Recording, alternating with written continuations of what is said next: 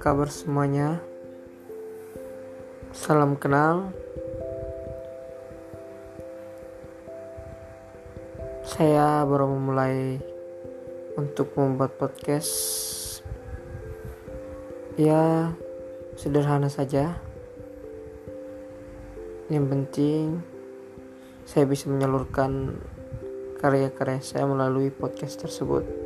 Salam kenal dan semoga podcast ini bermanfaat. Terima kasih.